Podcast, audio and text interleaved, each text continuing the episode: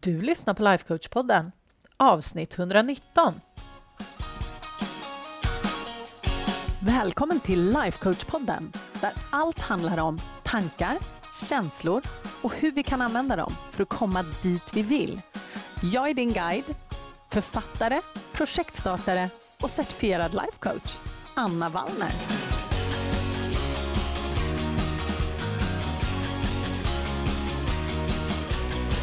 Men hej på er! Idag så var jag ute ganska länge med hundarna. Jag gick faktiskt över en mil. Och just det där när jag är ute och går, det är min, det är min vita tid. Ni vet, jag har pratat om vit tid tidigare här i något avsnitt och det är så himla värdefullt.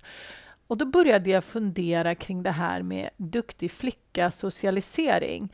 Jag har på sistone funderat ganska mycket på det. Delvis för att det är ju någonting som jag ständigt jobbar med, men det är också någonting som har kommit upp väldigt mycket i medlemskapet och med mina privata klienter så är det många kvinnor som tar upp det här.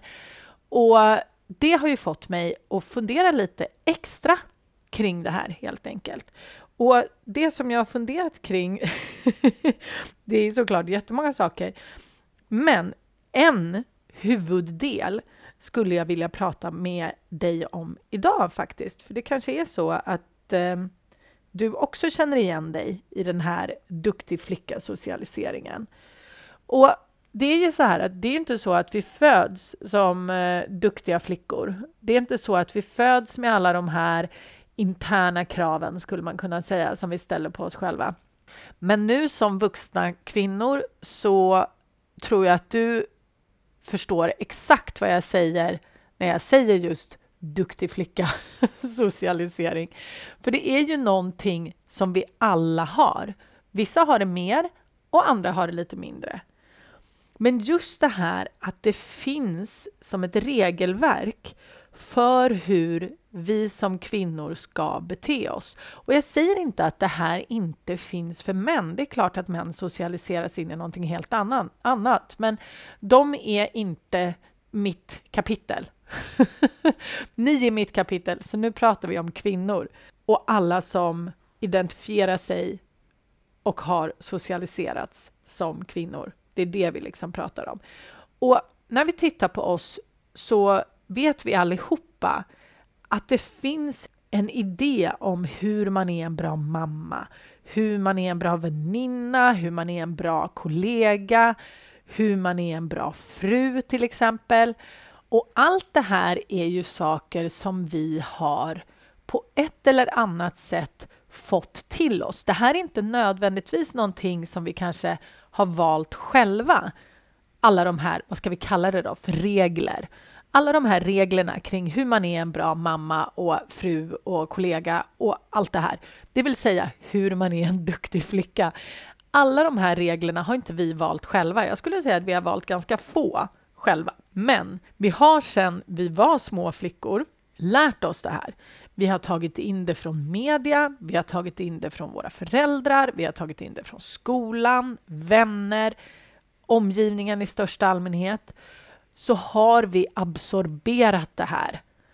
Och när det händer så skapar det här våran världsbild. Det är så här vi tror att vi ska bete oss för att vara tillräckligt bra, helt enkelt. För att vi ska fylla mallen, för att vi ska vara okej. Okay.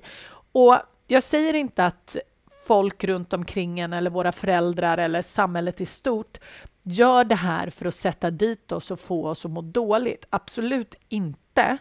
Men vi kan väl också snällt erkänna att det är ju väldigt fiffigt med massor med kvinnor som gör sitt yttersta och vänder sig ut och in och bak och fram för att tillmötesgå alla andra.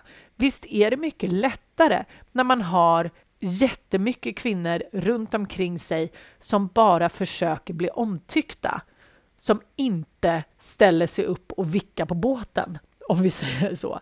Vi är alla väldigt duktiga på att sitta lugnt i båten. Och anledningen till att vi gör det här, det är ju för att vi har internaliserat det här. Vi har hört och sett alla de här reglerna runt omkring oss och så har vi, inte medvetet som sagt, men vi har tagit till oss det här. Och sen så har vi börjat tala om för oss själva att vi ska agera på det här sättet. Det är som att vi har gjort en egen manual. Det finns såklart en manual långt där ute, men den håller inte alla med om såklart. Men väldigt många av oss skulle hålla med om den här manualen, att man ska göra på vissa sätt. Man ska vara på vissa sätt. Um, jag tror att det var någon av mina kollegor häromsistens som sa att det finns en gammal studie från typ några år tillbaka där man ser att redan sexåriga flickor, de kan tala om hur en optimal kropp ser ut, hur en optimal kvinnokropp ser ut. Redan en sexåring kan peka ut en sån. Det är ju helt sinnessjukt. Det är ju en del i den här socialiseringen, att vi har fått lära oss att vi borde se ut på ett visst sätt.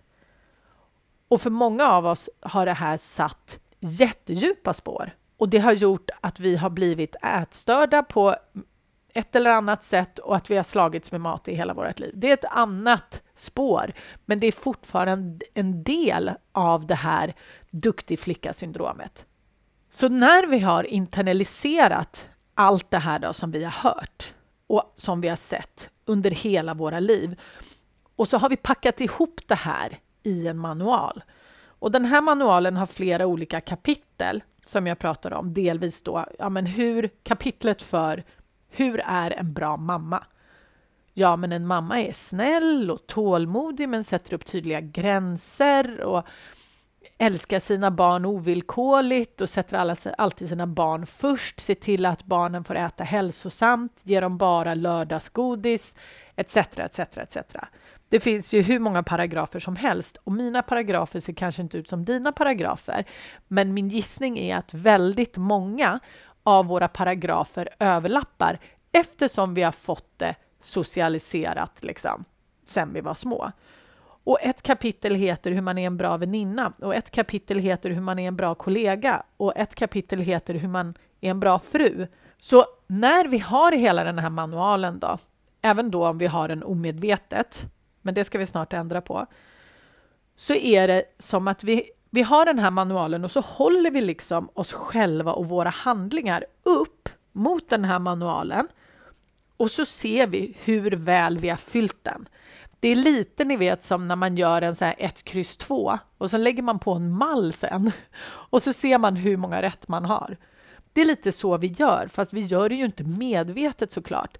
Men vi har den här underliggande manualen och så lägger vi upp oss själva och vårt beteende gentemot den och ser hur många rätt vi får. Och om vi tycker att vi liksom inte fyller den här manualen, att vi inte får så himla många rätt, skulle man väl kunna säga, då är det väldigt många av oss som slår på oss själva och säger att jag borde vara en bättre mamma. Jag borde inte ha skrikit åt barnen när de betedde sig. Jag borde ha varit lugn. Jag borde inte ha blivit irriterad på min man när han lämnade mig ensam med barnen för att åka på pojkhelg. Jag borde inte ätit alla de där kakorna för att nu kommer jag gå upp ett kilo och det borde jag inte. Jag borde veta bättre. Det är hela tiden det här jag borde, jag måste för att vi sätter oss själva upp emot den här manualen som vi kanske egentligen i grund och botten inte vill ha. Och det här, när vi börjar jämföra oss själva med vår manual och sätter bock i kanten och ger oss själva poäng liksom för hur mycket vi har fyllt den här, det är då vi stöter på problem. För det är då vi sätter ett lika med tecken mellan liksom våran prestation att fylla manualen och våra känslor. Och då, när vi mår dåligt, så tror vi att det är på grund av att vi inte har fyllt alla de här boxarna, på grund av att vi inte har gjort allt det där som vi tycker att vi borde ha gjort. Så då sätter vi igång och försöker jobba ännu hårdare på att checka alla de där boxarna. Och det här, mina vänner, leder så ofta till utbrändhet, bitterhet, frustration, ilska och så himla mycket annat lidande som vi inte behöver lägga på oss själva. Jag säger inte att det är vi som har gjort det, men vi har ju blivit socialiserade in i det här Men det är fortfarande våran vilja och vår, våran tro på att vi behöver fylla den här manualen. Det är det som är problemet. Det är det som gör att vi mår så himla dåligt. Så det kanske är dags att ifrågasätta den här manualen. Det kanske inte är oss det är fel på, eller hur? Det kanske är manualen. För bara för att vi tror någonting och har trott det hela våra liv så betyder inte det att det är sant. Så den här veckan så skulle jag verkligen vilja tipsa om att börja titta på dina manualer. För medvetenhet, det är första steget till förändring min vän.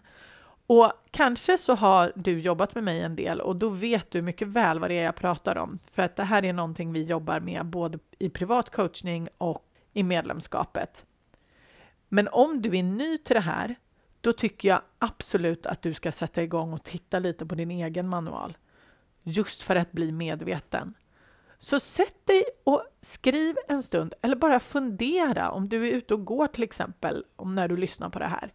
Vad har du för manual?